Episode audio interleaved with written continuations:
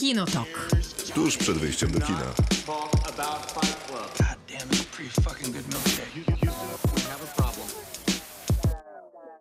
Krzysztof Majewski. Miłosława Bożek. Maciej Stasierski? Dzisiaj będziemy rozmawiać o wielu filmach, natomiast nie wiadomo, czy któryś z tych filmów okaże się chociaż y, trochę dobry. Natomiast y, tytuły są mocne i mają mocne papiery, bo będziemy rozmawiać no chociażby o filmie Kolektyw, który ma dwie nominacje do Oscara i to historyczne, bo to nominacja dla najlepszego filmu międzynarodowego i nominacja dla najlepszego pełnometrażowego dokumentu. I historyczna, bo to rumuński film, historyczna z uwagi na to, że Rumuni nie mieli jeszcze nominacji w kategorii najlepszy film międzynarodowy. Maciej, poprawnie, jeżeli się mylę. Brawo. Dziękuję specjalisto od Oscarów. I będziemy rozmawiać o kolejnym filmie, który ma nominację Oscarową. To nominacja do najlepszego filmu pełnometrażowego animowanego. Nazywa się Over the Moon. Tak, wyprawa na księżyc po polsku. Tak jest. Na Netflixie. I później przejdziemy do recenzji indywidualnych. Maciej? Tak, ja będę recenzował film Córki Rzeszy, czyli po angielsku Six Minutes to Midnight. Z Judy Dench. Judy Dench. Okej? Kropka. Entuzjazmu mało. Ja będę recenzować Siedzącego Słonia, chiński film, który właśnie zadebiutował na VOD Nowych Horyzontów ekskluzywnie w Polsce, chociaż to film z 2018 roku. Ile on trwa? I- Za trzy godziny? Cztery? Cztery godziny Cztery, prawie, cztery, bez tak. siedmiu minut. Ale to było dobre. To jest bardzo dobry film i Zresztą zestawię go... obejrzałem go tylko i wyłącznie dlatego, że ględziłaś mi o nim non-stop i nie mogłem wytrzymać. I co? ja nie I zaakceptowałeś. No, Tak, glę- trochę się męczyłem, bo to jednak cztery godziny. A to domowo, teraz już Nie, na... jeszcze na festiwalu. A, na festiwalu. No to trochę inaczej myślę, że to zadzi- może zadziałać na kanapie własnej, no ale... Tak, może inaczej zadziałać, chociaż na mnie też nie działało najlepiej, bo to była końcówka festiwalu, a człowiek raczej nie jest specjalnie świeży i wypoczęty, a było nieźle. Ja to zestawię jeszcze z The Ying Yang nie mylić Master of Eternity, bo to zadziwiająco dwa różne filmy i Czyli- również to chiński film, który został w tym roku w Chinach wypuszczony w kinach jeszcze w lutym, a debiutował 19 marca na Netflixie. A ja będę mówił o Wirtualnym Imperium, filmie, który powstał na no powiedzmy, że powstał na podstawie artykułu Rolling Stones, a opowiada o chłopaku, który zdecydował się na takiego, jak jest w filmie powiedziane, Amazon dla fanów narkotyków. A zaczynamy od w robocie. Dzisiaj e, pytaliśmy o ulubione filmy lub seriale czasu pandemii. E, Tych było trochę, chociaż w większości raczej VOD niż kinowe. Te kina otwarte były jak cię mogę. Musimy policzyć, ile to było łącznie tygodni kiedyś, ale bardzo mało i zdecydowanie za mało tygodni. Kinotok. Film. No to w robocie. W robocie to cykl regularny, który pojawia się w piątek na naszym Facebooku. Pytamy o jakieś filmy lub seriale no i układamy razem z wami jakąś taką listę filmów i seriali, które w danej kategorii są warte obejrzenia. No, o różne rzeczy pytaliśmy, o nie wiem, najlepsze filmy z samochodami. Nie, o to akurat chyba nie pytaliśmy. Ale o różne. Jakbyśmy o to pytali, to już byśmy wiedzieli, jakie są odpowiedzi. To prawda. Ostatnio pytaliśmy o najciekawsze filmy pandemii, w pandemii, które wam się udało obejrzeć i Jakub pisał tak. Moja jedyna dziesiątka przez ostatni rok, że 10 na 10 to The Last Dance. Tempo i akcja lepsza niż w niejednym filmie sensacyjnym, uczucie obcowania z wielkością MJ'a, blockbuster wśród dokumentów. Spisek przeciwko Ameryce, y, klasycznie niedoceniany David Simon i jego serial, który chociaż osadzony ja w czasach... podpisuję. Ja raczej też. Przed i w trakcie II wojny światowej to idealnie oddaje współczesne nastroje społeczne i zagrożenie przed faszyzmem czy nazizmem. Co w duszy gra? Mówiliście o nim, więc dodam tylko, że ten typ animacji, którą e, powinien obejrzeć każdy przynajmniej raz do roku i to niezależnie od wieku, w końcu chodzi o korzystanie z życia, chociaż panująca zaraza nam to utrudnia. Na rauszu, bo pić to trzeba umieć, a tańczyć to tylko jak Mats Mikkelsen. To ładne, co? Ładne, ale nie wiem, czy się Ładne, nie należy zgadzasz się, dlatego... to, nie czy- zgadzasz czy się z tezą, dokładnie. ale... Nie, tak, zgadzam się, że jak tańczyć to jak Mats Mikkelsen. A, dobrze, okej. Ale film, Zostańmy przy tym. film nie najlepszy. E, Aida Mm, Czyżby? Też nie... To jest w ogóle ciekawe, bo Ja na już ra- nie mogę się doczekać na- tej recenzji, która tutaj tak, będzie bo na w Rauszu, końcu na, kiedyś. na Rauszu miało na przykład z 50 pokazów przedpremierowych, było na festiwalu tak, Nowe było, było, było. Tam debiutowało w Polsce. Już chyba wszyscy, co mieli, to obejrzeli, a my na recenzję czekamy. Chyba jeszcze do, teraz jest termin na maj. Na maj. Nie, na szczęście nie wszyscy, bo można poczytać sobie trochę komentarzy, gdzie ludzie ciągle pytają, czy może już jednak w internecie, czy może się stare, już to, są, przeniósł. to są stare komentarze, oni już obejrzeli. Quo Vadis Aida, najlepszy film minionego roku, emocjonujący, trzymający w napięciu, brutalny i najgorsze w tym wszystkim, że prawdziwy. Palm Springs, idealny film na ten trudny czas, aż chciałoby się zatracić z Andym Sambergiem i Christine Milotti w tej letniej pętli czasowej, do czasu aż sytuacja w naszej rzeczywistości ulegnie poprawie. Artur, a niech to, Last Dance wykreślone, Wychowane przez wilki wykreślone, Gambit Królowej też wykreślone. Nie wiem, czy serial Mesjasz można zaliczyć, ale ja obejrzałem cały sezon naraz i żałuję, że nie będzie drugiego. I tu musimy, Arturze, poważnie porozmawiać. Wow. Masz taką dobrą listę, tak dobrze zacząłeś, świetnie kontynuowałeś, no ale finisz katastrofalny.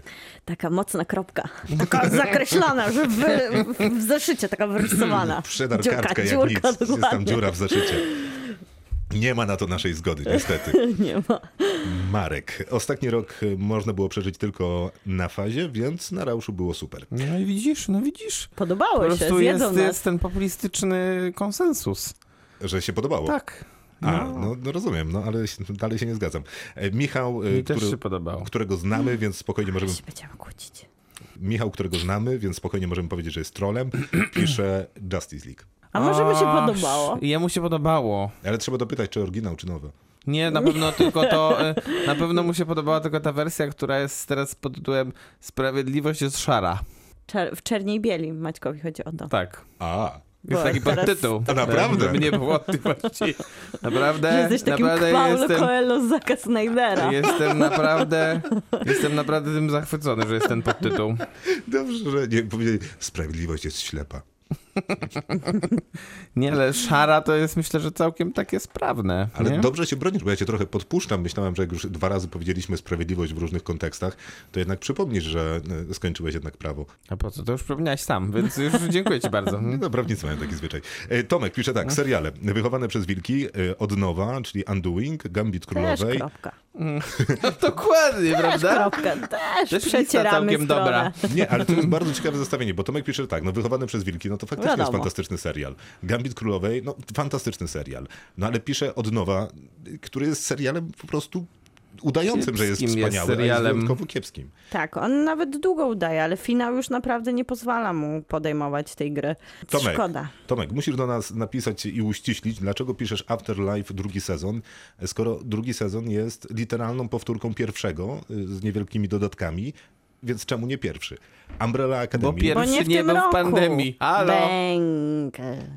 Wow. No już, sprawiedliwość jest ślepa. Dobra. A Maciek skończył prawo. Dokładnie. Umbrella Academy drugi sezon? Nie. Kropka. Nie. Przetarte. Absolutnie Oj, nie. oj, Ile oj, to chyba najgorzej. To dzisiaj. najgorzej ze Sekundę, wszystkich. bo znowu apeluję do Tomka. Tomek, musisz do nas napisać i wytłumaczyć nam, dlaczego Umbrella Academy drugi sezon, bo oba są nieznośne. Alsę, e, nie, Maciek, jak się nazywał serial? O, Lupin. Brawo, brawo, brawo, Tak? Miłka. Tak. Zdałam? No więc ten serial i The, i The Eddie, mm, który miał potencjał, ale mu nie wyszło trochę moim zdaniem. No, zdecydowanie. Ale Tomek uważa, że to najlepsze i doda, dorzuca jeszcze filmy. Peanut Butter Falcon, ale premiera chyba jeszcze przed pandemią O, była. Jesus. Film super. Pozdrawiamy Szyję. Bad Boys for Nie Life. poznałem nigdy. Bad Boys for Life. Się długo zastanawiałem, czy dodać na listę, czy nie. I t- t- o, Tak. Tu, nawet, tu, tu, nawet. tu. Oj, nie kłam. Wrócę, mam wrócić do tego, co sam mówiłeś? No dobra, no, nie, mo- nie możemy powiedzieć, że to wszystkie wybory Tomka są... Bo ja wrócę do Są tego, co mówiłeś o Peanut Trudne Butter do Falcon. wybronienia. Dlatego bardzo mnie interesowałaby argumentacja. Come to Daddy, y, Elijah Wood i horror. Jak nie jestem miłośnikiem horrorów, tak to był przyjemny film. Ja nie widziałem. Też nie widziałam. Jak? Jaki? Come to daddy. Chodź o tatusia. O, dobra, da, tytuł mi się podoba. Onward. On, on, on. Onward. Bardzo przyjemna bajka. I to jest prawda, to jest bardzo przyjemna bajka. Jest bardzo przyjemna, ale jak na Pixara to kiepska w sumie. No może taka. Nie, Jak na Pixara przeciętna. uprzejmie Też będę tak utrzymywał, że, pod- że, solidna.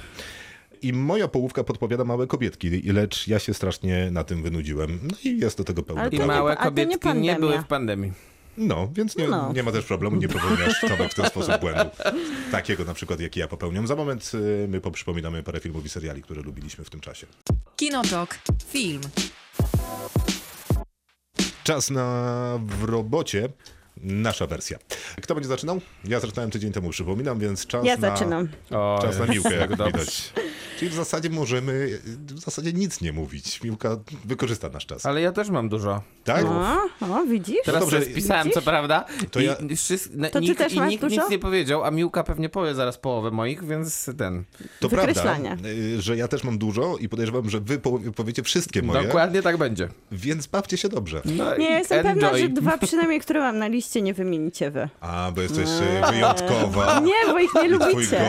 go- gust A, jest Po prostu nie lubicie ich. No to może nie być... jakieś takie masowe i prostackie jak Wiesz co, no to może mieć coś wspólnego z moim gustem, ale o tym się nie dyskutuje faktycznie. No o tak, twoim Ale- guście się nie dyskutuje, to o, prawda. O Jedyne, co tu żadnym, robimy. O żadnym, słuchajcie, ale faktycznie na początek mam trochę takie łatwe by wybory, bo ja stwierdziłam, że chyba trudno mi będzie się odnosić do 2020, jak nie zerknę na tą listę, którą skonstruowaliśmy i oczywiście zapraszam wszystkich do naszego podcastu z podsumowaniem roku 2020. To Czy nasze, ktoś- to nasze opus magnum. Czy ktoś może wyłączyć wibrację w telefonie? To naprawdę słychać. O, A, i mamy winnego. to nie byłem ja. w Nie, zasadzie. Nie, nie. Więc odsyłam do 2020 i postanowiłam się trochę wybronić w 2021. I na pierwszym miejscu jest 10 na 10 i obiecująca młoda kobieta Emerald e, Fennel, czyli film, który niedawno w kinach. Maciek, wykreślasz? Nie, bo ja No, się o, skupiłem widzisz? na starszych filmach. A to No ja to dorzucę dobrze. tylko y, bardzo ciekawe y, takie spojrzenie Patrycji Muchy, krytyczki filmowej. Zapraszam na jej Instagrama. Ona tam zastanawia się nad jakością polskiej krytyki filmowej właśnie na przykładzie recenzji mm, obiecującej młodej kobiety. I co, postawiła nas wysoko? Powiem, in, Pozdrawiam Patrycję oczywiście. powiem inaczej. Nawet nas nie uwzględniła. O, no bo mnie, no... Ale to dobrze, to był, to, to był krytyczny komentarz. A, mm. Wiesz, dawała negatywne przykłady. A, no to dobrze, czyli no to jesteśmy dobrze. co najmniej tak, neutralnym. Tak, więc nie nos na kwitę. Okej, dobrze. Piłka. To tym Obiecująca, bardziej pozdrawiam. obiecująca młoda kobieta, która tak ładnie się dom, domyka w liście z moim serialem roku 2020 I May Destroy You i myślę, że to są takie dwa Daj głośne i długopis. No ważne dobra, zaczynam. manifesty, wykreślenie. Wykreślanko. To są takie dwa ważne, głośne manifesty. Jeden telewizyjny, drugi filmowy. Bardzo takie spójne i bardzo też tak dobrze, no ciężko mówić, że obiecująca młoda kobieta, tak dobrze ją pamiętam, bo to jest bardzo świeży film, pandemiczny, ale świeży, ale I May Destroy zostało ze mną i jest cały czas we mnie i tak jakbym go oglądała w sumie no na pewno w tym roku, chociaż to może też wynikać z tego, że na mojej liście praktycznie nie ma żadnych seriali, bo 2021 w nie nie obfituje. E, Kolejnym no filmem, król. Jest Sound of Metal, Król który, król.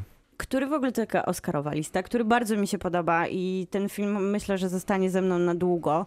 I w ogóle podoba mi się to pandemiczne kino jako takie troszkę mniejsze, bez blo- blockbusterów, takie bardziej intymne, skupione, mądre, wrażliwe. Pa pamiętam, jak Miłka przy recenzji A ja się świetnie League zbawiłam na Zaka. Snydera tylko mówiła, Miłka broniła. mówiła, tęskniłam za takim kinem, za Ale- blockbusterami. Ależ to się nie wyklucza. Ja tęsknię Ja za rozumiem. blockbusterami, ale cieszę się, że obfituję w takie mądre kino, to mniejsze kino pandemiczne. I to jest e, film, którego na pewno nie będziecie mieli, czyli Tacy Cwani Mirandy Jolie, który bardzo dużo mi przyjemności sprawił mieli. jako takie. Spokojnie. kino pandemiczne, kino, które, na którym można się nachylić poza festiwalami, bo jest to kino jednak takie artystyczne. Sama Mhm. reżyserka jest artystką, więc wydaje się, że można by było się spodziewać tego bardziej nie o, na oglądanie w domu, a Tylko- oglądanie na festiwalu, gdzie wszyscy się egzaltują tym, że właśnie widzieli uwaga. sztukę na ekranie. Ale Zack Snyder też jest artystą. E, Na pewno on tak o sobie myśli. A na szczęście o On jest Mirandzie Julie my tak myślimy. bezkompromisowym artystą. Tak Nie bierze jeńców. Nie, nie, I nie. jeszcze parę jakichś innych określeń teraz. Tak, tak, tak właśnie, ale skończyły nam się. Następnym filmem jest Niedosyt e, Carlo Mirabelli Davisa, który też e, w tym roku na ekranach VOD się pojawił. To jest debiut. Ale na festiwalu on tak, był festiwalowo, Octopus Film tak. Festival. Festiwalowo debiutował i wydaje mi się, że to są właśnie, to jest taki zestaw bardzo mocno festiwalowy wszystkich tych filmów. No, E, nie dosyć, by się... myślę, że spoko- mógłby mieć normalnie pokazy kinowe. Bo On by miał pewnie je. miał i nawet Też zdążył niewiele, ale miał. Możliwe. Ja tylko zaznaczę, że póki co wszystkie filmy, które Miłka wskazała, też są do znalezienia nasze recenzje w- we wcześniejszych Tak, podcastach. bo ja w ogóle pełne. trochę wybierałam taki klucz, że przejrzałam sobie wszystkie nasze odcinki Mhm. i wszystkie wybory około 10 na 10, 9 na 10, 8 na 10 Tak jest, jako a Miłka moje po ulubione prostu filmy. zajrzała na naszego Filmweba, y, czyli Kinotok Dokładnie Podcast. tak jest. Tam są wszystkie oceny robionych przez nas seriali i Więc filmów. Też wysoką ocenę w 2021 Posesor i syn Cronenberga, Brandon Cronenberg z, takim bardzo też artystowskim odpowiedzią na em, cyberpunka, który jest super brutalny, super przeestetyzowany i takim jest fajnym kameralnym science fiction. Więc jeżeli tęsknimy za takim kinem, a za takim kinem wydaje mi się wszyscy fani gatunku tęsknią, to Posesor jest naprawdę dobrą odpowiedzią na Miłka, to. teraz musisz na jednym oddechu doczytać wszystkie pozostałe swoje A teraz mam już tylko jeden, wyobraź sobie. O! Na jednym oddechu. I jest to mały topór, który nie wiadomo jak czytać, czy jako serial, czy jako film. On się nie zmieścił na żadnej Cały mojej obejrzałaś? liście. em, prawie tak. Chyba jako serial, Eee. biorąc pod uwagę, że nie zgłaszali go do Oscarów jako film. No to... tak, tak, ale, ale to co, ciekawe, no Maciek go zdążył zmieścić na Nie, ja- swoim ale ja tylko podsumowaniu. Rocka obejrzałem. tak, na swoim podsumowaniu roku. Mi się nie udało go zobaczyć w 2020 i żałuję, bo Small Axe to naprawdę jest fantastyczny, jeden z tych e, antologicznych odcinków, bo tam mamy ich pięć. I to jest jeden taki film, który można by spokojnie umieścić jako film, bo to godzinna jest opowieść. No i dziękujemy. Maciej, to, to teraz... I o Lovers Rock. Mhm. Lovers Rock, tak, e, bo Small Axe się nazywa cały serial, ale Mangrove, e, który jest na pierwszym miejscu i otwiera całą antologię, jest równie mocną propozycją. W ogóle cały serialo film się świetnie broni. Wspaniale. To Miłka więcej nie zaczyna, a teraz. Yy, dobrze. Mi, w minutkę bardzo proszę. Naprawdę? No minutę 30. Ale lepiej minutkę. Naprawdę? O nie. 55 sekund. Dobrze, to w, mm, seriale dwa wybrałem, oczywiście takie, których wy nie macie na szczęście, a poza tym chyba nasi słuchacze też jeszcze o nich nie mówili. Wielka The Boys. i The Boys, of course, ale też Wielka, więc, więc bro, bro, powiedzmy, że się bronię. W Bronisz jednym, się, w, jednym, w jednym sensie. A co do filmów, to nie chciałem brać z samej, samej góry mojej listy najlepszych filmów z Więc zeszłego brałem z roku. samego dołu. Więc brałem takie, o których chyba nie mówiliśmy, albo nie mówiliśmy tak długo, z- przynajmniej nie zawsze. Je, e, tak, a potem tańczyliśmy. Film gruziński, znakomita produkcja, która miała premierę na Festiwalu Filmów LGBT, film tancerzu baletowym, który odkrywa swoją tożsamość e, płciowo-seksualną. Naprawdę znakomita rzecz. Myślę, że porównania do Call Me By Your Name nie są tutaj zbytnio przesadzone. Asystentka, film, za który uważam, że Julia Garner powinna być nominowana do Oscara, ale film został zupełnie ominięty niestety przez Akademię Filmową. No niestety nie takie kino też Akademia Filmowa ceni wysoko. I Asystentka była, zniknęła i znowu jest na VOD. Tak. Baby Thief to jest film, który umieściłem na swoim top 10 zeszłego roku i chyba już teraz jest na VOD Jest, wszędzie, jest. Więc, y, więc na pewno to do obejrzenia. Dwie, dwie rzeczy festiwalowe, które jeszcze premiery nie miały. Sweat Magnusa Van Horna, film, który dostał wszystkie praktycznie możliwe nagrody w Gdyni poza nagrodą główną. Świetny, Co Na- jest naprawdę- niesłychane. naprawdę świetny film, y, który miał już dwie daty premiery. Tak, i jeszcze dwie propozycje. To też jest propozycja z festiwalu Nowe Horyzonty. Dni Tsai-Ming Lianga, film, Och, który Wspaniałe.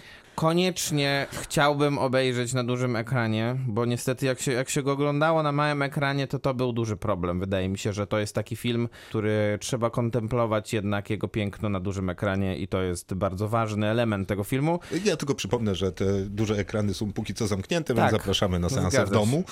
I ostatni film, który pojawił się trochę z nienacka tuż przed świętami.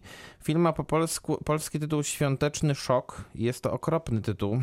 A film e, sam w sobie w ogóle nie jest okropny. Jest to historia miłosna Kristen Stewart i Mackenzie Davis. Dziewczyny jadą do domu e, tej drugiej na święta. E, No tylko, że jakby Mackenzie Davis nie jest otwartą lesbijką przed swoją rodziną, więc e, to rodzi kilka poważnych zgrzytów wewnątrz rodziny, a jeszcze się okazuje, że ojciec tej konserwatywnie jednak skonstruowanej paczki postanawia startować na burmistrza małego miasteczka które nie jest zbyt też otwarte na e, różnego rodzaju, tak jakby to powiedzieć, kulturowe dziwności, tak bym to nazwał. A jak sobie Mackenzie Davis radzi w tej roli? Bo Mackenzie Davis sobie radzi średnio, natomiast Kristen Stewart jest jak zawsze wspaniała. to jest I smutne. Chyba będę musiał się pogodzić z tym, że Mackenzie Davis jest słabą aktorką.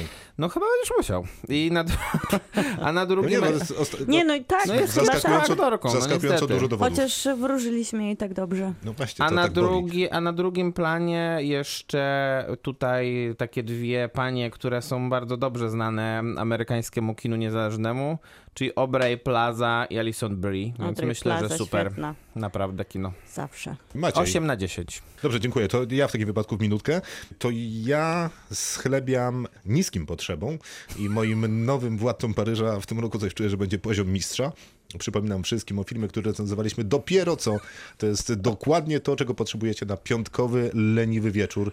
Zamawiacie pizzę, posypujecie popcornem i jecie z tym makaron. Jest po prostu Widzisz, jakby, cudowny. jakby tylko grał w nim główną rolę Vincent Cassel, to byś był po prostu pewnie zupełnie w niebo wzięty, niestety, nie? Ale Mogłoby być. Przypominam, że jest taki film z Tomem Hanksem, w którym Tom Hanks raz w życiu dobrze się bawi. Nazywa się Greyhound. Polecam obejrzeć to na jakimś dobrym sound systemie, bo tak wszystko tam pięknie łupie, że jest to naprawdę duża radość. Miłka też poleca bardzo. Tak jest. Jej Nie ulubiony- polecam nigdy. Jej ulubiony film. E, przypominam, że jest taki film z Charlize Theron, który nazywa się The Old Guard i on jest dalej dostępny i dalej świetnie bawi. Jeżeli ktoś przegapił, to absolutnie musi nadrobić. Przypominam, że jest film miły, łatwy i przyjemny, a jednak na trudny i wymagający temat. To jest proces siódemki z Chicago, e, który nadal dostępny. Co jest za lista? Miłka prycha. Przypominam o e, tym, że wujek Frank znowu jest na Jest VOD. to dobrze. To to jest są- dobry wybór. Przepraszam, Czy, czy, Komentujemy, czy, tak. Czy to jest jakiś jury moich, moich... Tak, Na twoje razie wybory, nie są, twoje wybory są średnie, więc generalnie musimy je Musisz komentować. się jakoś wybronić teraz, prosimy jakieś lepsze filmy. Aha, czekajcie, y, tak będzie łatwiej. No i też kolejny film, który lubię, a im wyłączyłem mikrofony, to Aniara, czyli szwedzka Aniara, science super. fiction. Ja chyba nie szukam waszego poklasku, tak coś czuję. I jeszcze seriale, które naprawdę przenosiły mnie w inne światy y, w czasie tej pandemii i polecam to wszystkim, czyli wspominane, wychowane przez wilki, ale to właśnie z uwagi na to, że to naprawdę przenosi literalnie w inny świat.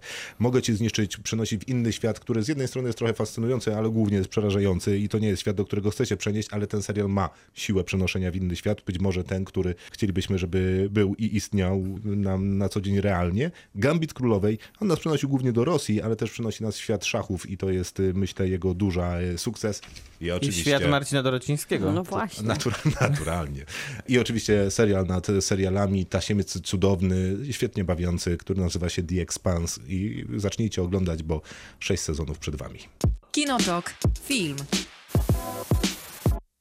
Czas na recenzję filmu animowanego Over the Moon, Wyprawa na księżyc. który dostępny jest na Netflixie i Od nominowany... dawna zresztą chyba Tak, już. i nominowany do Oscara w kategorii najlepszy film animowany pełnometrażowy. Ciekawa jest to Prawda. opowieść o młodej dziewczynie, która chciałaby polecieć na Księżyc. Szczerze mówiąc, to chyba by nie chciała, ale jakoś tak wychodzi, że jej y, matka zmarła na nieznaną mnie chorobę przynajmniej. I rozumiesz o co chodzi w tej fabule, bo według mnie to, to ta fabuła jest kretyńska. Oto, mocne słowa. To czekaj, ja szybko opowiem tak mniej więcej o co chodzi w filmie. Poznajemy rodzinę, która znana jest, y, utrzymuje się z tego, że mają cukiernię i robią y, Takie księżycowe ciastka, no. Tak a propos, to ja już zamówiłem formę do tych księżycowych ciastek, więc wspaniale. spodziewajcie Zapraszasz? się. Oczy... Nie przyniosę tu, ale mogę też zapraszać oczywiście, jak się skończy A, pandemia. to, a sprawdziłeś, co się tam, co się, jaki ten farsz się robi? Tak, robi się dwa i to jest ciekawe, bo jeden robi się z czerwonej fasoli, fasoli, która nazywa się chyba azuro, a drugi bardzo popularny robi się i to są chyba pestki albo nasiona kwiatu lotosu. To z fasoli to będzie wtedy ten, wytrawne? Czy, Nie, czy nie, na słodko. Nie, na słodko. Tam jest, tak. wiesz, 200 gram tej y, fasoli, gotujesz, moczysz, a później drugie tyle cukru i na patelnię. No i Rozumiem. oczywiście blendujesz. No, ale trzeba mieć formę, żeby były tak ładnie odciśnięte. Więc tak, te księżycowe ciastka są istotną y, częścią tego filmu Są. i oni faktycznie się z tego utrzymują. Matka umiera, ona była ten wspaniały przepis, który rozsławił ich cukiernię. No a młoda dziewczyna nie chce zaakceptować tego, że jej ojciec znalazł sobie nową partnerkę. No i chce przypomnieć ojcu, że miłość trwa wiecznie, więc przygotowuje rakietę, żeby polecieć na księżyc. A to nam się wiąże z chińskim mitem o Chang, która no właśnie kochała swojego wybranka na zawsze. Tak jest w micie, a na księżycu zobaczymy, czy to prawda i czy ona w ogóle tam jest. I to według ciebie ma sens? No z Bo grubsza. według mnie nie, e, dlatego że jeżeli to jest sposób, którym ma przekonać swojego ojca do tego, żeby nie wchodził w nowy związek, to myślę, że e, jakbym tworzył listę sposobów do przekonywania swojego rodzica do tego, żeby jednak zmienił plany, to to pewnie byłoby na ostatnim miejscu. Ja mam chyba problem bardziej z tym, że to jest W sensie taka... polecieć na księżyc. Tak, Brzmi rozsądnie. zapoznać się z jakąś, z jakąś panią z mitu i która jest po drugiej stronie księżyca, to tam prędzej naziści pewnie są, a nie, a nie jednak... A e, był taki film i nazywał się Iron on. Sky, były nawet dwie części. Był to niedobry film. Bardzo mi się podobał. No, oczy- oczywiście. Ja mam chyba trochę problem bardziej z tym, ja się trochę z Maćkiem zgadzam, że to nie do końca jest sensowne, tylko wydaje mi się taką kalką wszystkiego, co wydarzyło się już e, w bajkach, a że po, jest to ko- koprodukcja chińsko-amerykańska, no to ta księżniczka Chang jest takim pu- punktem wyjścia, który później się zamienia w taką kalkę z tego, co już Disney nam pokazał, czyli jeżeli jest śmierć rodzica, to trochę taka przebrana w chińskie kostiumy Coco, to trochę właśnie jest, no nawet pow- powrót do braci Grimm i niepogodzenie się z nową rodziną, kiedy pojawia się właśnie ona, jest taka klasyczna wa- walka córki z macochą, która gdzieś się pojawia. I to wszystko, chociaż wydaje się, że jest trochę świeższe, bo ten element chyba te, tej kreski, która się pojawia na Księżycu ma to rozbudzić, to wydaje mi się po prostu, jakbym cały czas oglądała tą samą opowieść, tylko opowiadaną innym studiem, ale wzorującym się na tym studiu, które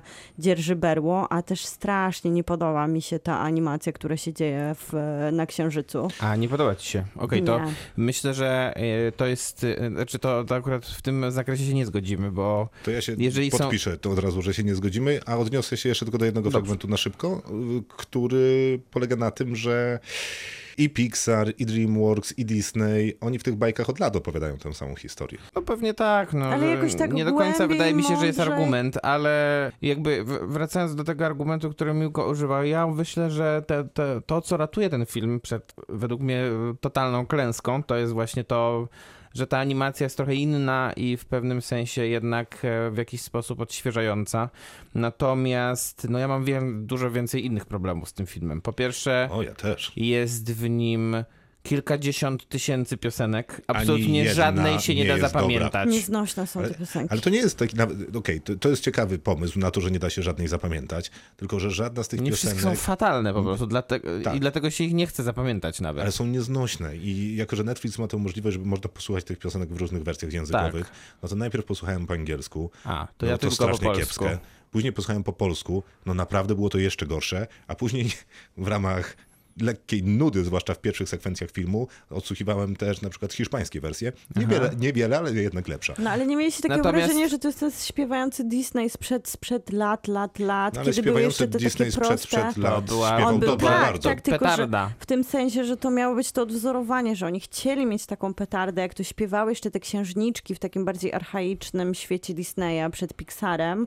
One tak właśnie wszystkie śpiewały to- takim perfekcyjnym, idealnym, dziewczęcym To głosikiem. po pierwsze nikt nie śpiewa I to perfekcyjnie. jest- To, Znaczy, tak tu nie wychodzi. Ale nie wiem, jaka jest odpowiedź na to pytanie, no bo no, nie wiem. Natomiast ja e, myślę, że oni mieli taki, tak, że chcieli uzyskać taki efekt. Po, że chcieli zrobić świetny film, to na Tak. pewno. No. To na pewno. Natomiast poza tymi piosenkami, to mój największy problem z tym filmem jest taki, że on zupełnie nie ma pojęcia, jaką chce tonację przybrać. I z jednej strony jest taki kolorowy, ma ten kolorki, są właśnie na tym księżycu. Z drugiej strony chce, chce opowiadać o jakichś bardzo poważnych rzeczach i wpada w jakieś takie bardzo ciężkie tony momentami i robi to w bardzo niewiarygodny sposób. No i wszystko jest tak pomieszane, bardzo chaotyczne przez to. Tak, i to może wynikać też z tego, że tam jest bardzo dużo postaci, y, które jakby służą różnym scenariuszowym potrzebom. Jest ta główna bohaterka, no to okej, jest główna bohaterka. No ale ma też takiego pomocnika, który jest trochę takim rozładowującym, humorystycznym akcentem, czyli tego przyszywanego brata, który jest całkiem ciekawy z tym y, ping-pongiem, chęcią przebiegania przez ściany. No ale on by naprawdę wystarczył. On nie potrzebuje przychodzić z, z żabą, która robi rzeczy, a ona, czyli główna bohaterka, nie potrzebuje króliczka, Ale A- króliczek jest- sam sobie byłby zupełnie Ale to jest inny. jeszcze nie ale sam sobie by wystarczył, Tak. ale już zupełnie niepotrzebny jest później plazmopies, który jest dodatkowym jeszcze bohaterem, a później jeszcze jeden królik, dwa lwy i pies. Literalnie, to, to są I je- wszystko... Nie, nie, jeszcze, i jeszcze jest, e, no jest jeszcze ta Chang, tak? Chang? No nie, ale tu mówię I- o takich postaciach, które miałyby służyć temu, że y, wiesz, są C-3PO, są w filmie po to, żeby rozładowywać atmosferę, A, no to jeszcze są, relief. to jeszcze są te takie kury, czy tam kurczaki, na No powiedział których oni kury. jadą, tak? Tak, Więc tak. no to, Tak, tak, i tak. one są też w, w ilości trzech, żeby, są kury, żeby są nie było za mało. latające, są No i ciastka są chodzące chodzące. jaciastka, Okej, dokładnie. ale chodzące, znaczy nie, no ale to on, one w zasadzie nie mają jakichś tam wersji y, y, kwestii mówionych, tam, tamci to są w zasadzie takie całkiem regularne postaci, które dialogują No tak. z tą główną bohaterką. A ciastka akurat te na Księżycu całkiem mi się podobały. Tylko mówiła, że nie jest przekonana do kreski. No też miałem taki pewien y, problem, ale później dosyć szybko się wchodzi w ten świat zaksiężycowy i naprawdę całkiem mi imponowało prze- przede wszystkim technologicznie, jak chociażby to, kiedy spadają meteory, jak wybuchają na Księżycu. Tak, tak. Wygląda to Dużo naprawdę gorzej, Ja dużo gorzej to wygląda na Ziemi. Ja bym chciała Tak, na Ziemi że- właśnie wygląda dosyć nieciekawie. Tak, tak. Na Dlaczego- Ziemi wygląda jak taka strasznie tania, narysowana bajka.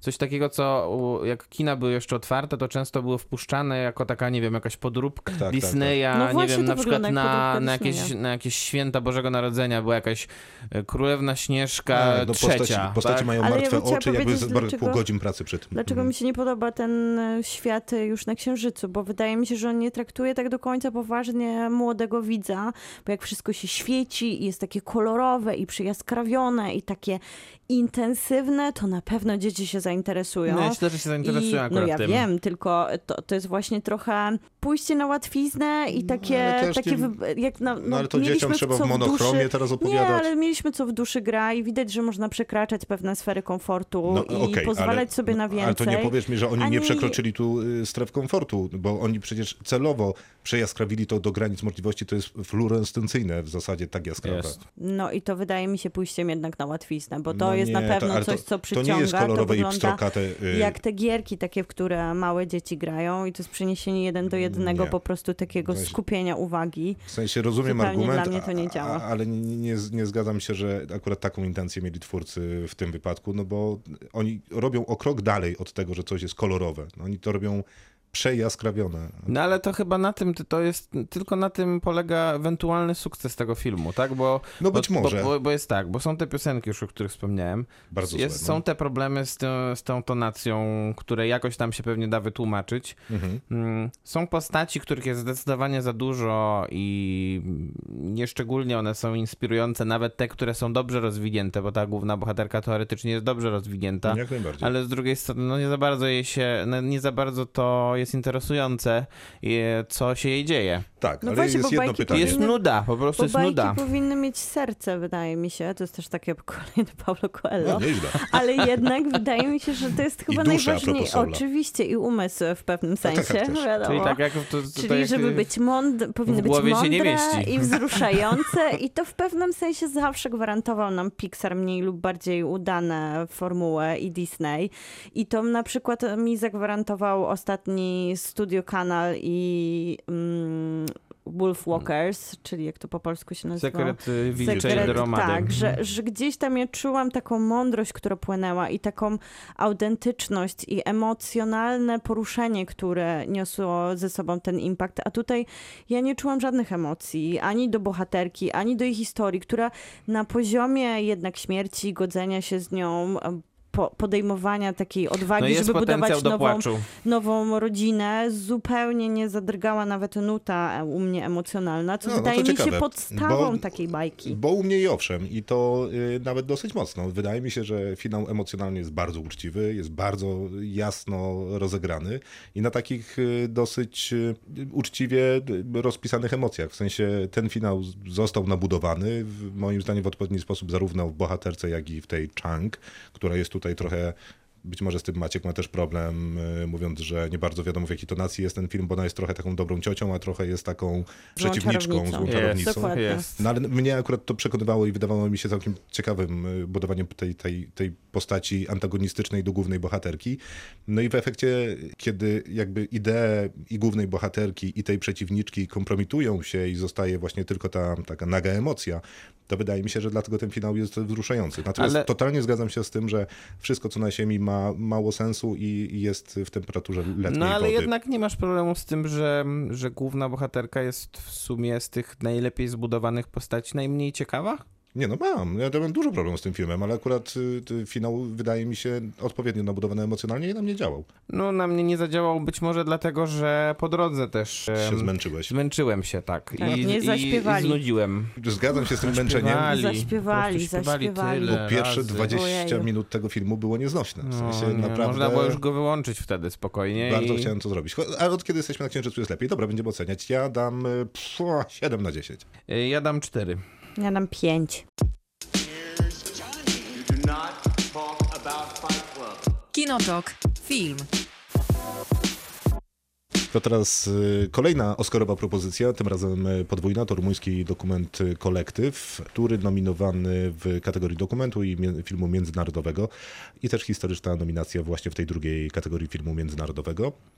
Tak, i drugi raz z rzędu film dokumentalny jest nominowany w kategorii dokumentalnej i międzynarodowej, bo Mhm. w zeszłym roku tak było z filmem z Macedonii Kraina Miodu. Tak się nazywał ten film? Tak, Kraina tak. Miodu, zresztą Mhm. bardzo udany film. Bardzo dobry Bardzo. film. I Mhm. jakby Bardzo. ktoś miał jakąś szansę obejrzeć ten film, On jest Możliwe dostępny. że, możliwe, że jest gdzieś na przykład na VOD, e, chyba, to, chyba to funkcjonuje, VOD e, festiwalu Dogs Against Gravity, tak, więc tam powinien być do zdobycia Honeyland, czyli Kraina, Lod, Kraina Miodu, naprawdę wspaniały film. Kraina Lodu to inny. Kolektyw. y, Teraz y, rumuński dokument, y, o którym wspominałem. Historia jest, historia jest mocna. Twórca, czyli Aleksander Nau, wychodzi od his... Twórca, który w sumie wyreżyserował, napisał, zmontował, zredagował, stworzył cały film od początku do końca. Tak jest, wychodzi od y, tragedii, która wydarzyła się na koncercie, jakimś takim mocnym rockowym koncercie w hali. y, To się nazywa Kolektyw właśnie. Tak jest, która spłonęła.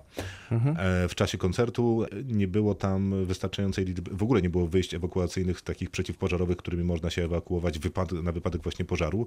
Tam zginęło kilkadziesiąt osób, kolejnych e, kilkadziesiąt zostało ciężko poparzonych i w efekcie część z nich e, później zmarła w szpitalach.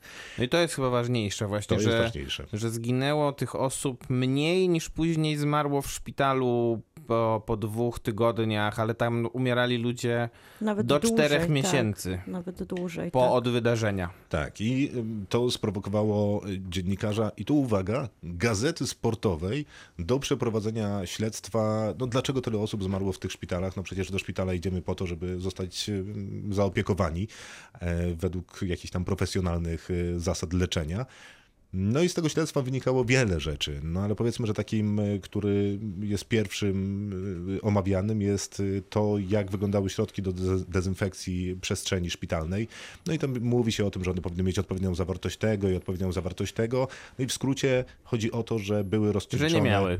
Nawet dziesięciokrotnie mniejsze te dawki, czyli po prostu w ogóle nie działały, nie spełniały swojej funkcji e, w żaden sposób. A I tam, to... jest, tam jest to dosyć Mhm. prosty sposób opisane, chociażby opisana jest scena, w której chirurg dostaje skalpel i myśli, że ten skalpel jest czysty, bo jest wypłukany właśnie w tym płynie Płynie, do dezynfekcji, a tak naprawdę skalpel jest prawdopodobnie ma na sobie bardzo dużo bakterii i może doprowadzić do zakażenia w momencie, kiedy tylko się, kiedy tylko jakby trafi, spotka się z ciałem, które będzie, które będzie cięte, że tak powiem, tak? Podczas Tak operacji. I to wywołało masowy protest y, w Rumunii, która zresztą od lat, od lat 90. próbuje sobie poradzić y, z korupcją, zresztą dokładnie tak samo jak Polska sobie radziła z korupcją. E, No i w Polsce sytuacja się ustabilizowała. No, korupcja nadal istnieje, no bo istnieje Centralne Biuro Antykorupcyjne jego istnienie udowadnia fakt istnienia korupcji, ale ona jest w normach y, jakichś europejskich, które są też y, sprawdzane i kontrolowane. W Rumunii nie. I Rumuni mają ten problem y, od lat i w zasadzie każda dyskusja w Rumunii może sprowadzić się do korupcji. To, to oczywiście nie wygląda tak, że do urzędu, żeby zarejestrować samochód, idzie się od razu z czymś w kieszeni. Z, jest, Albo z butelką whisky. tak jest. To jest korupcja na tym wyższym poziomie, gdzie nie chodzi o właśnie butelkę whisky, y, tylko o znacznie... Milionowe kontrakty Mm, za dokładnie. pieniądze z Unii Europejskiej na Ale, przykład. ale jest coś w tym dokumencie takiego, że wiadomo, że ta sytuacja bardzo mocno jest zakorzeniona w Rumunii przez tą tragedię, która się tam wydarzyła, przez te konkretne tak. rzeczy, które się dzieją. No bo oni też żyli tym Mm, tak, na, na tak. co dzień. Ten film pewnie jest Ale takim mimo podsumowaniem. wszystko zostawia ten dokument takie napięcie w nas, e, też przez to, że tak dobrze jest tutaj zestawiona ta, to dziennikarstwo śledcze też z młodym,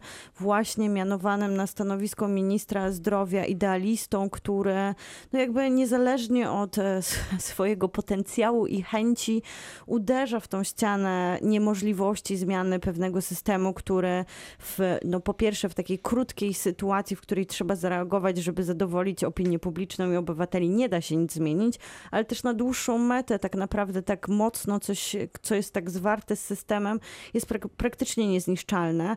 I to zostawia taki niepokój, takiej bezsilności z perspektywy tego, jak mogą nie tylko czuć się prawdopodobnie obywatele Rumunii, ale wszystkie miejsca, w których jest obecna korupcja, że czuje się tą siłę i ten mur, który tak ciężko by było no z jednej strony zniszczyć, ale w pewnym sensie to jest taki film pełen nadziei, że jest dziennikarstwo śledcze, że to No właśnie, zadziałało, że ja ono zupełnie nie- obnażyło. Ja zupełnie nie czuję tej nadziei, o której mówisz, no bo Mhm. nie ma tego dziennikarstwa śledczego. Te media są tak samo skorumpowane jak ci, których powinni kontrolować. Ta piąta władza zupełnie nie działa. A najlepszym dowodem tego jest to, że jedynym sprawiedliwym w tym filmie jest dziennikarz z gazety Tak sportowej. jest, to tak tak, jakby przegląd sportowy, polski tytuł Zaczął prasowy, prowadzić tak em, śledztwa polityczne. śledztwa, dokładnie. Więc wydaje mi się, że No tak ale dlatego mówię, że ten film jest przerażający, bo on się może odnieść Tak, ale, do każdego ale ja się odnoszę do ustroju. tego, co powiedziałaś, że niesie nadzieję. No moim zdaniem nie niesie nadziei, Mhm. przynajmniej dla Rumunii w tym momencie, w którym opowiada tę historię. Bo to nie jest jednak sytuacja ze Spotlight na przykład, gdzie mieliśmy jednak dziennikarzy uznanej gazety, którzy postanowili też- wyjść przed szereg trochę i zacząć opowiadać jednak o bardzo poważnym problemie, tam oczywiście związanym z pedofilią w kościele. Znaczy w Spotlight, Spotlight to jest akurat oni byli wyspecjalizowaną jednostką. No więc No właśnie, i właśnie o tym mówię. Właśnie do- o tym mówię, bo to jest, to jest właśnie ta, ta różnica jest tutaj, bo to, to, e, to jak bardzo słaba jest... No tak, że tam system zadziałał, tak. a tu zupełnie a tu nie. No tak, tak, tak. Prawdopodobnie to są dwie rzeczy, o których chciałbym, do których chciałbym się odnieść. Jedna to jest to właśnie, jak widać bardzo mocno, jak słaba jest rzeczywiście prasa i prawdopodobnie media w, w Rumunii.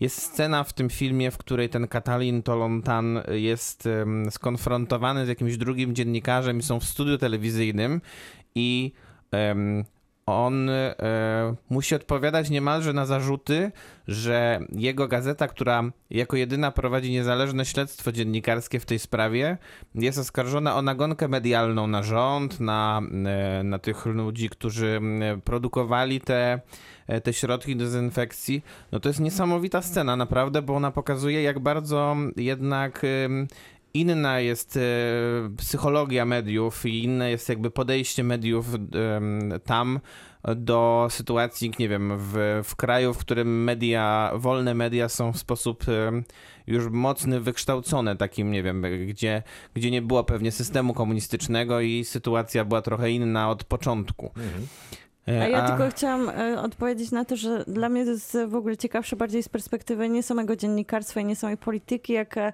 trochę społeczeństwo, bo tam jest chyba, przynajmniej z mojej perspektywy, taka najważniejsza dla mnie scena, gdzie ci dziennikarze rozmawiają o tym, że tak naprawdę to nie ma żadnego znaczenia z perspektywy społecznej, bo ci ludzie, którzy się zaczęli do nich zgłaszać, zaczęli się zgłaszać nie dlatego, że irytowała ich korupcja w miejscu ich pracy, nie dlatego, że dopuszczali się kradzieży, tylko dlatego, że na przykład ich przełożony ich obrażał i to był Mm. jedyny punkt odniesienia. Tak naprawdę ta kradzież i korupcja jest czymś tak naturalnym w instytucjach, że nikogo to nie razi. Jedyne co razi to może być jakiś konflikt osobisty, który prowadzi nas po prostu do nosu, a nie taka moralna obligacja, żeby stanąć i powiedzieć nie, trzeba skończyć z tym systemem. I w tym momencie też jakie ma być miejsce na jakby dziennikarstwo, jakie ma być miejsce na idealistyczną politykę, jeżeli system tak naprawdę już u samych obywateli nie ma potrzeby o, obalania go. No tak, y, natomiast z drugiej strony być może jednak ma potrzebę, no bo ten film parę razy pokazuje, że ludzie jakby są poniesieni tym artykułem y, tej gazety sportowej i wychodzą na ulicę i skandują Aż do nazwiska. finału. Tak, tak, tak. I skandują nazwiska, wiesz, dziennikarzy i tego tytułu prasowego. I jakby, kiedy ludziom pokaże się, że ktoś za nimi stoi i, i jest tą piątą władzą i, i, i, nie godzi się na no, aż tak skandaliczne przekręty i machlojki, no bo facet, od którego kupowali te środki, pewnie jest, no to jest jakiś mafijny proceder prawie, że Zupełnie.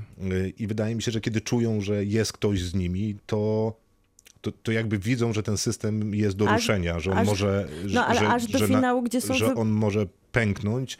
No i to jest to, o czym mówisz, że. No być może ludzie widzą że wszystko w czarnych barwach, no ale jak da im się światełko w tunelu, no to chętnie nim pójdą. No tak, nie do końca, bo później są wybory i tym wieńcz, wieńczony jest finał, kiedy jednak nasz minister zdrowia rozmawia ze swoim ojcem w takiej krótkiej, mocno podsumowującej rozmowie, która mówi o tym, że społeczeństwo jednak nie przyjęło się E, za tak, bardzo tylko tym. znaczy, tego to akurat myślę, że nie, nie jesteśmy w stanie ocenić, bo, No, na e, pewno nie. bo to jest jednak, bo to jest jednak jakiś manifest polityczny e, twórcy, który po prostu staje po jednej ze stron To barykady prawda. i e, trzeba byłoby się mocno wgryźć w politykę rumuńską, czego nie ukrywam, nie miałem nawet ochoty robić, ale e, żeby sprawdzić, czy rzeczywiście ta partia socjaldemokratyczna, która te wybory wygrała, e, no to ona, to, to ten obraz, który przedstawia ten minister zdrowia jest jakiś bardzo przepo, przepoczwarzony, czy, czy rzeczywiście jest realistyczny. Natomiast wydaje mi się, że ważna rzecz jeszcze, do której się chciałem odnieść, em, dotyczy tego ministra zdrowia. On e, jest idealistą, jest tutaj przedstawiony chyba w sposób trochę zbyt wyidealizowany przez twórcę samego. No na pewno i to jest w ogóle jakiś większy zarzut do tego filmu, Tak. że no, głupio jak tak wyraźnie widać po To której prawda. stronie Ale są tak sympatie, s- sympatie twórcy, słucham? Natomiast Natomiast trochę e, na no- mana, że jak mamy dokumenty Mana, który tak bardzo się określał, czy albo jest pro e, posiadanie broni, albo nie, czy jest pro służba zdrowia, czy nie, to taki amerykański dokumentalista, kojarzycie go przecież, który zrobił Fahrenheit 90, e, Tak, to- kojarzymy. Tak. mm. no to Natomiast myślę, że to jest taki zabieg po prostu... W sensie Michael Moore. A, właśnie, Michael Moore, przepraszam, powiedziałam Man. A, Em, man, a.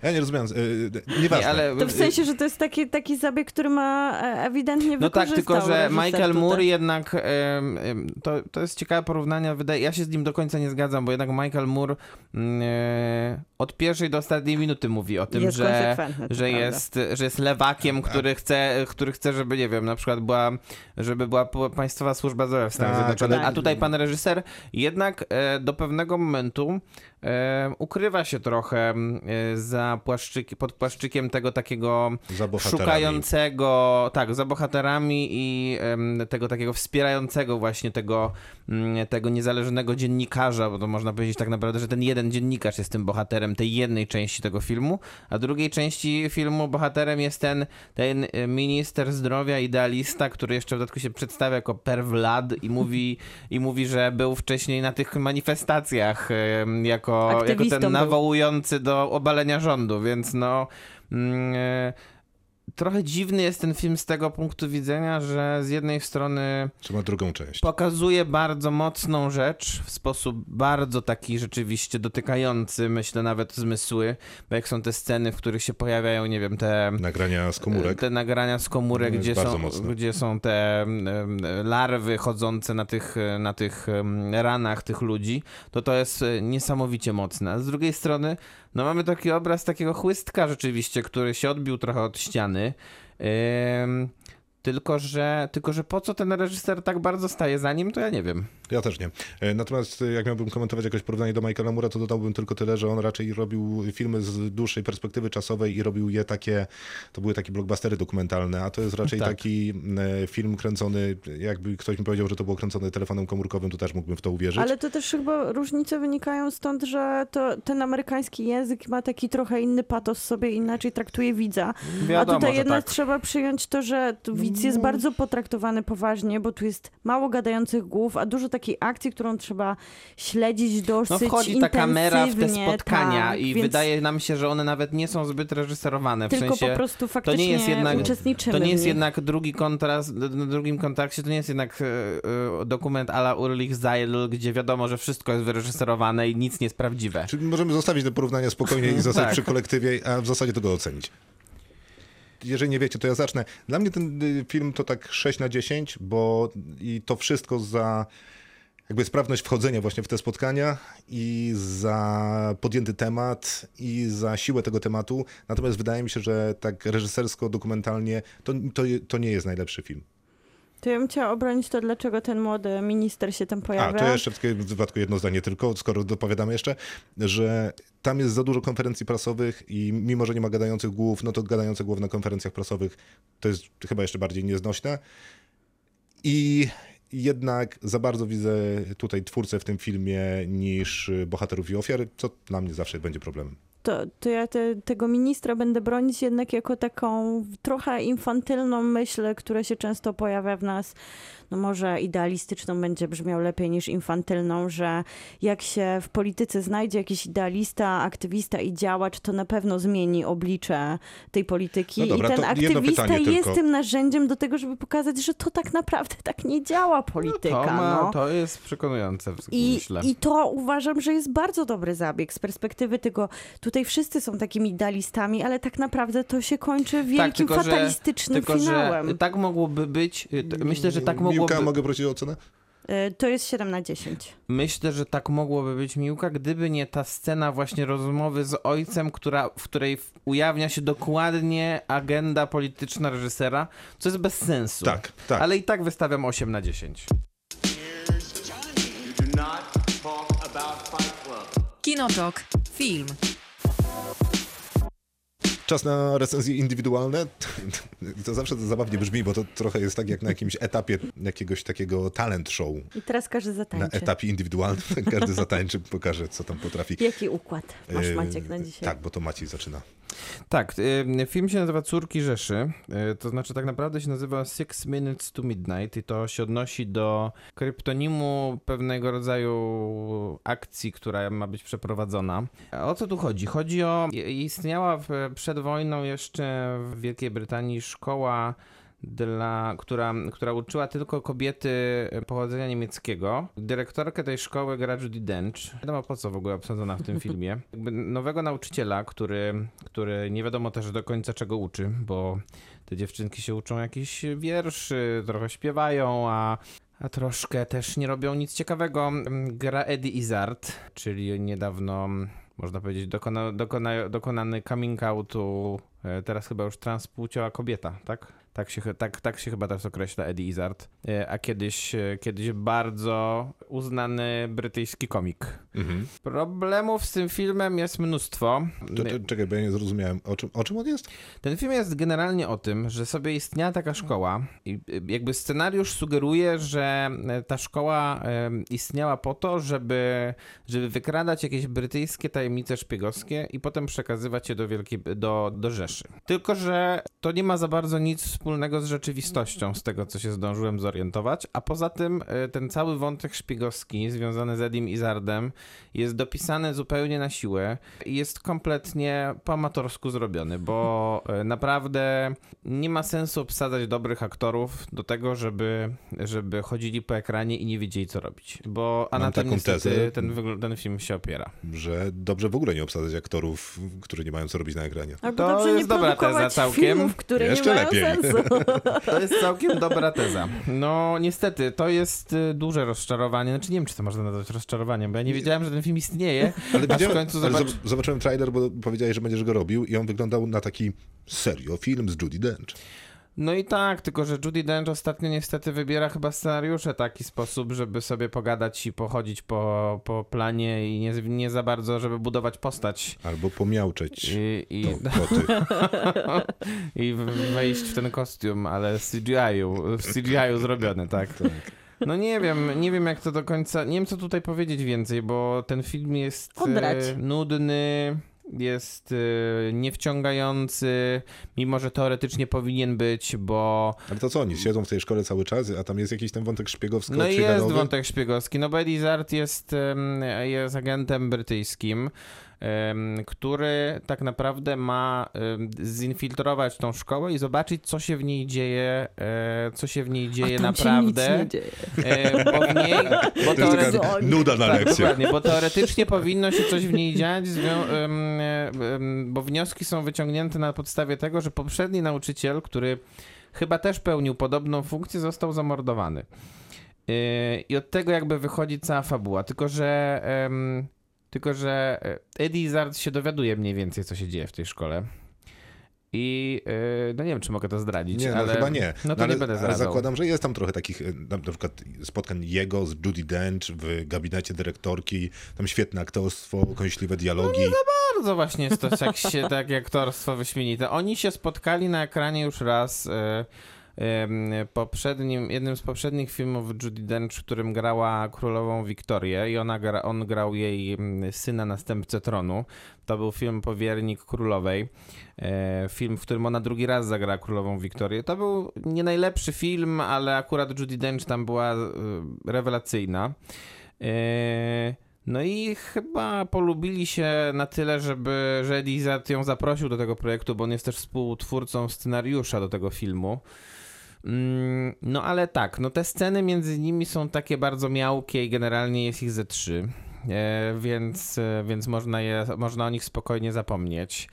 E, Jest tam na przykład cała 30-minutowa, powiedziałbym, sekwencja, w której Eddie Izzard ucieka przed, przed e, agentami Scotland Yardu, bo zostaje e, niesłusznie oskarżony o morderstwo. No to co, to E, chyba nie, I no, 30 wygląda minut to, ucieczki, I wygląda super. to absurdalnie. Jest to tak źle wygrane. E, Gra tam jeszcze taki aktor James Darcy, który... Ale co jest źle wygrane? No, gość ucieka, co źle biegnie? Nie, nie, no biegnie fatalnie. Biegnie jak byłaby, to wygląda tak, to naprawdę wygląda jak komedia. Dench, tak, To napra- niezaliczone, na dwójkę pan. Nie, to naprawdę, pan na naprawdę to wygląda jak jakiś, jak jakiś pastisz em, takiego Biegania. prawdziwego filmu. Włącza się potem ten, e, ten taki, ten James Darcy, który gra jakiegoś, e, jakiegoś e, bodajże sierżanta, który właśnie prowadzi to śledztwo. Tylko on je, i on, i on to gra w taki sposób, że to jest ani Shakespeare, ani, em, ani comic relief. To wszystko jest tak, jakby A, miał. Czyli gra jakby trzymał y, czaszkę w ręce, tak? Tak, ale jednocześnie jakby miał kij w tyłku i wszystko się tam nie zgadza w tej jego grze, a to wszystko ma być tak teoretycznie na poważnie, a z drugiej strony trochę na luzie. No ale co jest y, złego w roli Judy Dench? No gra dyrektorkę szkoły, No, no, to jest rola dla niej. w roli Ale Judi się Dench. starasz wybronić. Nie, w roli Judy. Dench nie ma nic złego, tylko że to nie jest żadna rola. I to jest jakby, to jest jakby jest. coś złego, nie?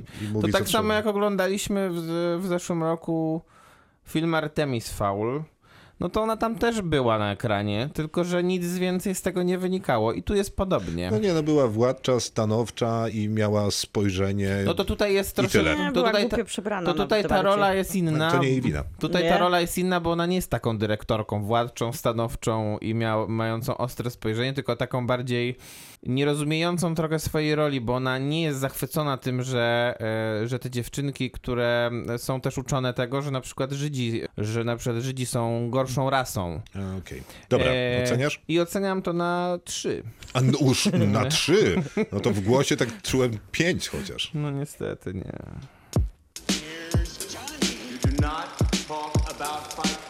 Kinotok. Film. Miłka filmy ma dwa. Znaczy ma jeden, ale będzie porównywać. Tak to działa? To nawet nie porównywać, jak pomyślałam sobie, że to jest takie bardzo ciekawe zestawienie różnych spojrzeń na Chiny zupełnie. Ostatnio rozmawiałam z Marcinem Krasnowolskim, który jest selekcjonerem festiwalu Pięć Smaków, który opowiadał o tym w wywiadzie, że w Chinach już kina są wszystkie otwarte, bo Chińczycy poradzili sobie w tym momencie, przynajmniej oficjalnie, z pandemią, więc wrócili do kin, a ponieważ tej dystrybucji za bardzo zewnętrznej nie ma, bo trochę pandemia przytrzymała premiery, więc skupili się na chińskich filmach, które zarabiają miliony. Rynek chiński się bardzo rozkręcił i właśnie jednym z tych filmów jest The Ying Yang Master, nie Master of Eternity. Nie, to nie, jest tamten film to tegoroczny. był The Ying Yang Master, dwukropek Dreams of Eternity. Tak, O, więc właśnie, tamten, właśnie. tamten jest Nie markowany mogę na... sobie przypomnieć tego słowa, gdy łączyło A. Master i Eternity. Ja do końca życia zapamiętam.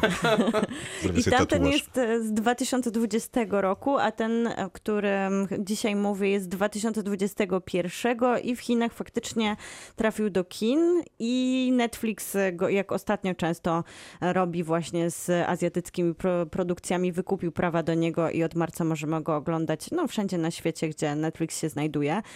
I to jest taka opowieść, która pokazuje te bajeczne Chiny, te, te takie Chiny, które są przepełnione magią, ale też mają te piękne wioski, w których wszystko się dzieje. W A, których czyli jest tak- Mulan. Leci Mm, Feniks, wszyscy troszkę szczęśliwi. Tak, troszkę tak, chociaż tutaj Tylko bez Ta- tej homoerotyki, która była w E, e, tak. Ying Yang Master Dreams of Eternity. Ja o Mulan mówię. Aha, że bez, a no tak. Mm, Ten y, jest tu sporo różnic, chociaż tak naprawdę wszystko się sprowadza do Omiyoji, czyli tej wielkiej chińskiej opowieści, którą y, adoptowali Japończycy. Na podstawie tego pojawiły się takie zeszyty i tego właśnie Master of Eternity um, oglądaliśmy, którego oglądaliśmy w 2020 roku. To jest dedykacja do tych zeszytów, ale na tym właśnie Omiyoji powstała też gra komputerowa, gra na komórkę. To uwaga, to jest urocze.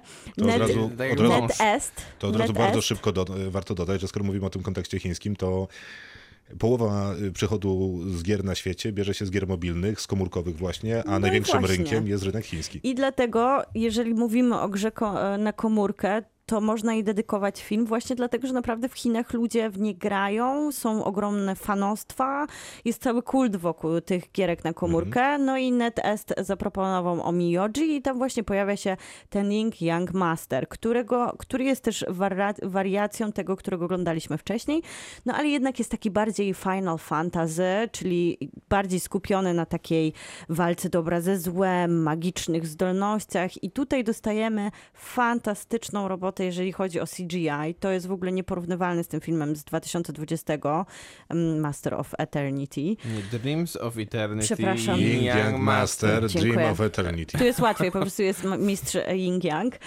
I, I wspaniałe CGI, też zanurzone w takich legendach, gdzie pojawiają się zwierzęta, które są magiczne, bo to demony, które kontroluje mistrz Ying Yang. On jest oczywiście... Ale to nie jest animacja, tak? Tam po prostu są dobre efekty Nie, specjalne. są świetne efekty specjalne. Nie jest to animacja, chociaż wręcz one są tak dobre, że czasami zastanawiałam się, czy to nie są jakieś kukiełki, tak dobrze wyglądają A, okej. wręcz. No dobra, to co? Jaka jest ocena? I e, mistrza Ying Yang No, to jest, to jest 9 na 10. a gdzie to się ogląda? To się ogląda na Netflixie. No i tutaj chciałam zestawić to wyobrażenie takich naprawdę wspaniałych, pięknych Chin, w których najważniejsze jest ten mistyczna walka dobra i ze złem, ale tak naprawdę żyje się w takim pięknym świecie, który opiera się tylko na tym, by chronić go przed demonami. Z debiutem i ostatecznie też osta- ostatnim filmem Ho Bo, który w wieku 29 lat popełnił samobójstwo, dokładnie 4 miesiące przed e, jego pokazem debiutanckim na, w Berlinie, gdzie film debiutował.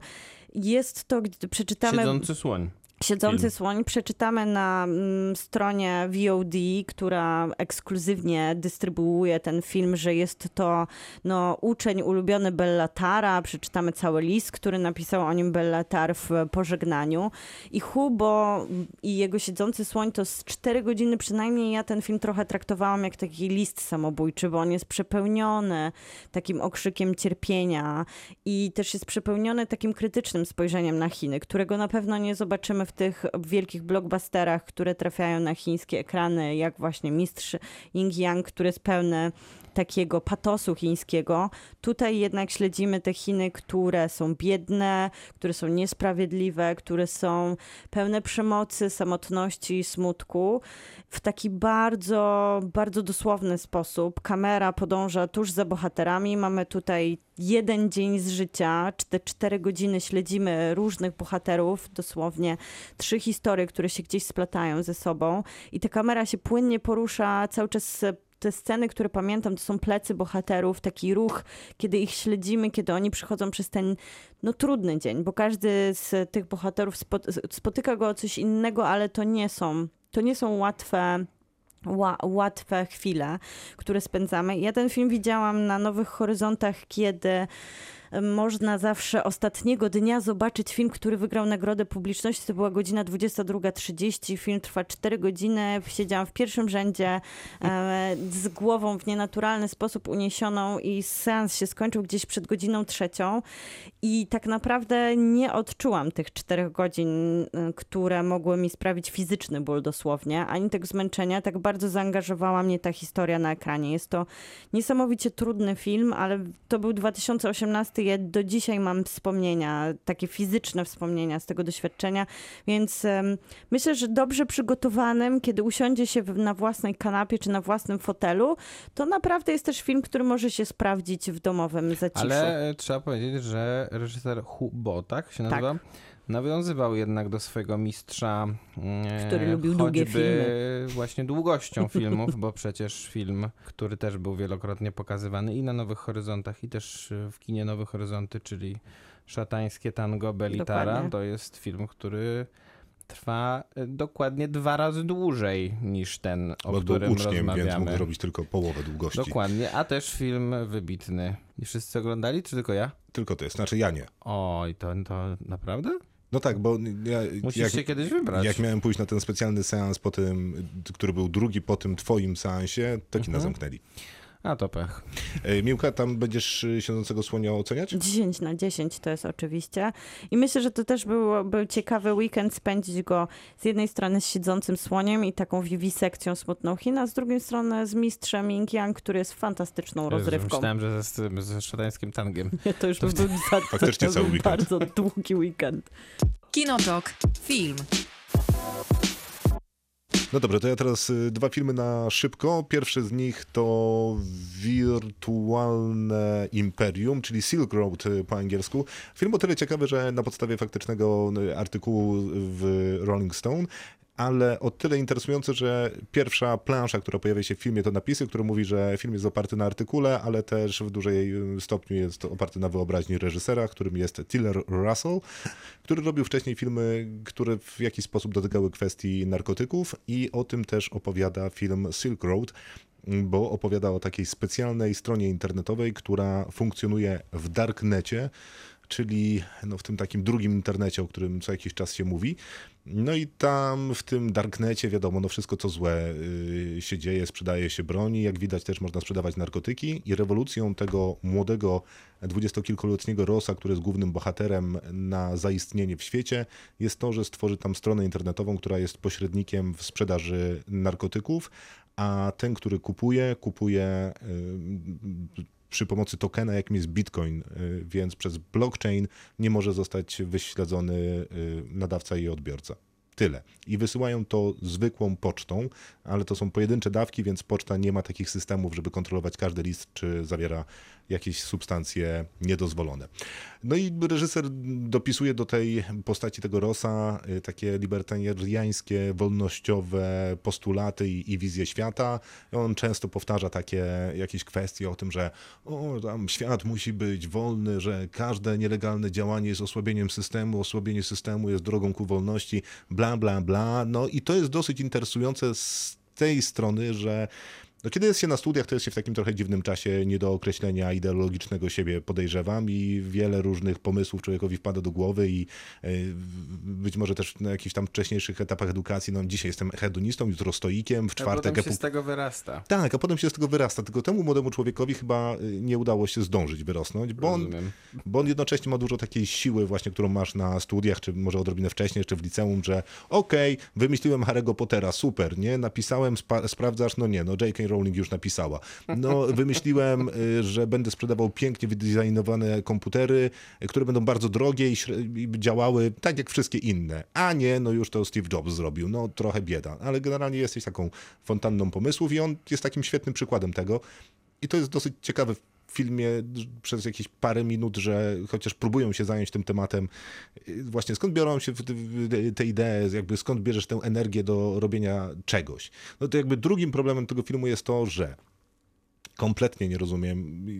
Takie dwa pytania jakby zadać temu twórcy, jak to niby działa, no to ten film nie odpowiada na pytanie, jak cała ta jego siatka miałaby działać, no bo tam jest ok, logistyka, ale gdzie są te magazyny, gdzie są te serwery, kto za to płaci, ile płaci, dlaczego.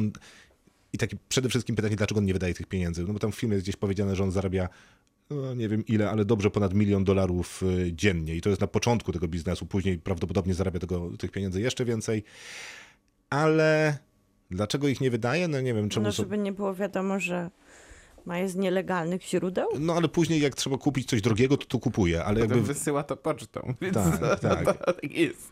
I to jakby nie da się go sprawdzić, nie? No bo on według tej tezy, którą stawiają w filmie, że on jest niesprawdzalny, no więc mógłby wydawać te pieniądze, bo one są czyste, nie trzeba ich prać. Nie? No ale skądś musisz mieć pieniądze.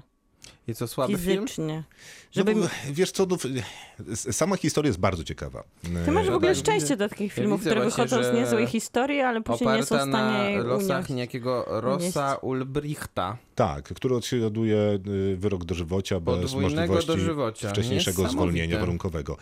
Y, Tak, dosyć Nie wiem, po co niesamowite. podwójne dożywocie, to jest absurdalne zawsze No, uważałem. ale tak działa amerykańskie prawo, nie? że można dostać na Trzeba 10 tych podkreślić. podwójnych y, dożywoci. Że zły jest. No i tak, i to jest ta część, która jest chyba najbardziej oparta na tym faktycznym artykule. Druga część to jest policjant, który wychodzi z, zakładu psychiatrycznego, e, jest na odwyku i stara się jakoś wrócić do policji, ale nie ma już dla niego miejsca w tym takim wydziale, w którym normalnie pracował, więc przenoszą go do Wydziału Zwalczania Cyberprzestępczości. I on nie potrafi obsługiwać komputera, tak literalnie, nie potrafi korzystać z przeglądarki. Y, No więc y, się szkoli, ale udowadnia tym wszystkim, wiecie, tym japis y, młodym, co tam używają tych komputerów, jak magicy i są po MIT, udowadnia, że starymi metodami jest w stanie rozwiązać każdą sprawę. No jest Oh taka konkurencja God. pomiędzy tym Jakie to młodym są chłopakiem. stare metody. No wie, no, no takie, że... Kop, kopniak i ten, Właśnie, tak to zapisywanie widzę. na kartce i ten, i Jak notesik. uderza w Literalnie tak. Aha. Ale jakby słowo w słowo. No i tego policjanta gra Jason Clark, Nick Robinson gra tego młodego Rossa. Jeżeli ten Jason Clark jeszcze c- Boże, takiego... to jest fabuła? fabuła. Jeżeli ten Jason Clark gra jakiegoś takiego zmęczonego życiem policjanta, to jeszcze nawet nieźle działa. No, Jason Clark to zawsze gra takie postacie, to jest taki autopilot u tego aktora. tak, tak. to No, to, ale je, nie przeszkadza. Natomiast ten Nick Robinson to jest koszmar. Nie, naprawdę tak mało zdolnego aktora, który. Miałem wrażenie, że operator stara się ustawić kamerę w każdym możliwym kącie, e, żeby patrzyła na jego twarz, żeby znaleźć na tej twarzy jakąkolwiek emocję. No nie ma nic. Nawet jak się. Raz jest taka scena, że on się złości i podnosi rękę. I to jest cała jego gestykulacja przez cały film. Koniec, no nic więcej. Ma To taki. jest problem jeszcze z cały, tym aktorem. cały film chodzi w bluzie i trzyma ręce w kieszeniach. No nie, no niewiarygodne. Ten po prostu aktor, fatalna rola. ten aktor grał w e, jednym takim filmie, który ja bardzo lubię, który się nazywa mm, Twój Simon.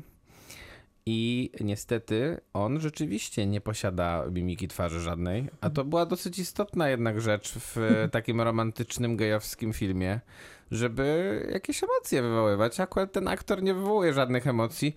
Co więcej, wydaje mi się, że e, pewnego rodzaju, pewnego rodzaju symptomatyczne jest to, że więcej emocji można wyczytać z twarzy Jennifer Garner, która nie posiada żadnej mimiki twarzy również, gdyż przeszła prawdopodobnie tyle samo operacji plastycznych co Nicole Kidman. Yy, ale i tak było więcej tych emocji na jej twarzy niż Ricka Robinsona. No, Nick Robinson zdecydowanie nie radzi sobie w tym filmie, no i ta przyjęta w... no, Jakby on ma taki sposób opowiadania Ale trochę... oni się spotykają gdzieś?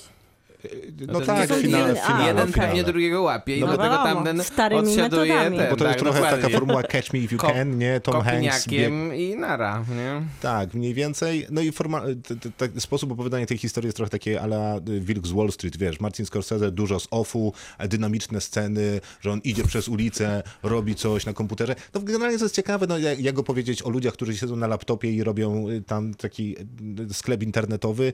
No generalnie ciężko. Można na przykład tak jak David Fincher w Social Network. No tak, ale jednak, jednak, y, wiesz, Tiller Russell nie jest Davidem Fincherem. Nie jestem zaskoczony. I ten sposób opowiadania tej historii być może jest, jest jakimś pomysłem, no ale na pewno. No i jaką ocenę wydajesz mu, temu filmowi? No, pięć, cztery. No jednak. Cztery, no bo jed, Cztery. jednak za dużo jest Nicka Robinsona w tym filmie i nie da się go znieść. Ale słyszałem, że ten Ben Affleck w tym następnym filmie, który opowiadasz, to jest całkiem niezły. Tak. To jeszcze dosłownie kilka słów o drodze powrotnej, czyli filmie Bena Afflecka, w którym gra trener y, byłego zawodnika. A też reżyseruje? Nie, Gavin O'Connor reżyseruje. Nie wiem, kto to. Ja też nie. Hmm, rozumiem. W To sensie zrobił, pogadaliśmy. zrobił A na... to nie jest debiutant. Nie, nie, on robił na przykład, nie wiem, pewnie pamiętacie taki film księgowy. To też z A Affleckiem. też właśnie Tak, tak, tak, grał. tak. No. To nie był Lubią najlepszy się film. chyba. Mnie się w ogóle nie podobał. A w Ja w ogóle ogóle- ci się nie podobało, rozumiem. Ale księgowy. Księgowy, tak. Okej. I, ale, ale on chyba, ale chyba się rozumieją z Affleckiem jako aktorem nieźle, tak? Bo ten księgowy to Affleck tam ponoć też był niezły. A może Affleck niezły jest? Okej, na pewno jest to bardzo osobisty film Afflecka, no bo on w wywiadach też przyznaje Dobry się... Batman z niego jest. Wracamy.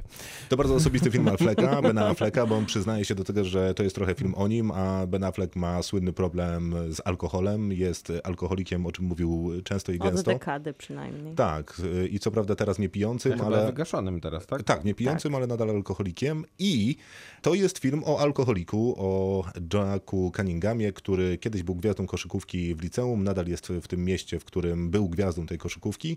Jest w separacji z żoną, ich dziecko zmarło na raka. O matko. No i on życie ma na dnie Leciutka historyjka. i kieliszek y, przy nim zawsze pusty, bo nigdy nie jest wystarczająco i upija się w zasadzie codziennie, aż dzwoni do niego dyrektor y, szkoły, w której był tą gwiazdą koszykówki. To była w ogóle katolicka szkoła i proponuje mu posadę trenera tego z koszykarskiego zespołu, który, w którym on kiedyś grał, no a ta szkoła dalej ma ten zespół i on miałby być trenerem. No i on się tam długo waha, waha, waha, no ale w końcu się zgadza. I tu jest taki trochę Coach Carter, tylko że na odwrót, bo tam było tak, że drużyna miała problem, przyszedł trener i naprawił, a tutaj jest tak, że trener ma problem, przychodzi do drużyny i ta drużyna go y, trochę naprawia, no bo on tam... od- Ale amerykański film. Nie, nie, zupełnie nie. W sensie, w pewnym sensie może i amerykański film, tylko że wydaje mi się, że to jest na tyle szerokie pojęcie, że jakby ciężko powiedzieć, co to miałoby znaczyć. On ma pewne cechy, y, może nie będę kontynuował tej myśli, bo nie wiem, czy gdzieś dojdę. W każdym razie on przychodzi i faktycznie ta drużyna mu pomaga, ale w tym sensie, że to jest bardzo zagubiony człowiek, y, który na pewno też cierpi. I normalnie bym powiedział, że dokładanie takich tematów jak separacja, alkoholizm i dziecko, które zmarło na nowotwór, no to to jest Wystarczy, za dużo. y, Tak? ABC szantażu emocjonalnego.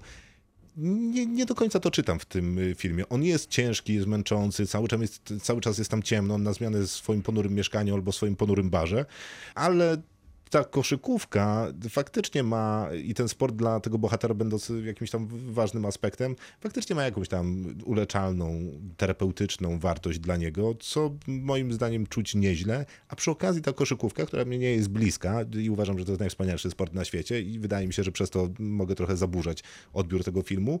I to jest bardzo uczciwie pokazana. Te treningi są uczciwie pokazane, e, ta relacja z zawodnikami jest bardzo fajna. Ale powiem ci, że, przepraszam, ci przerwę, Mhm. ale powiem ci, że jak tak patrzę na tą karierę tego reżysera Gavina O'Connora, to on dużo filmów o sporcie robił. Tak, bo tam kiedyś Wojownika robił, czyli Bo o dwóch Warrior bokserach. to No jest właśnie. chyba jego najlepszy film, myślę, z tych, które przynajmniej ja widziałem.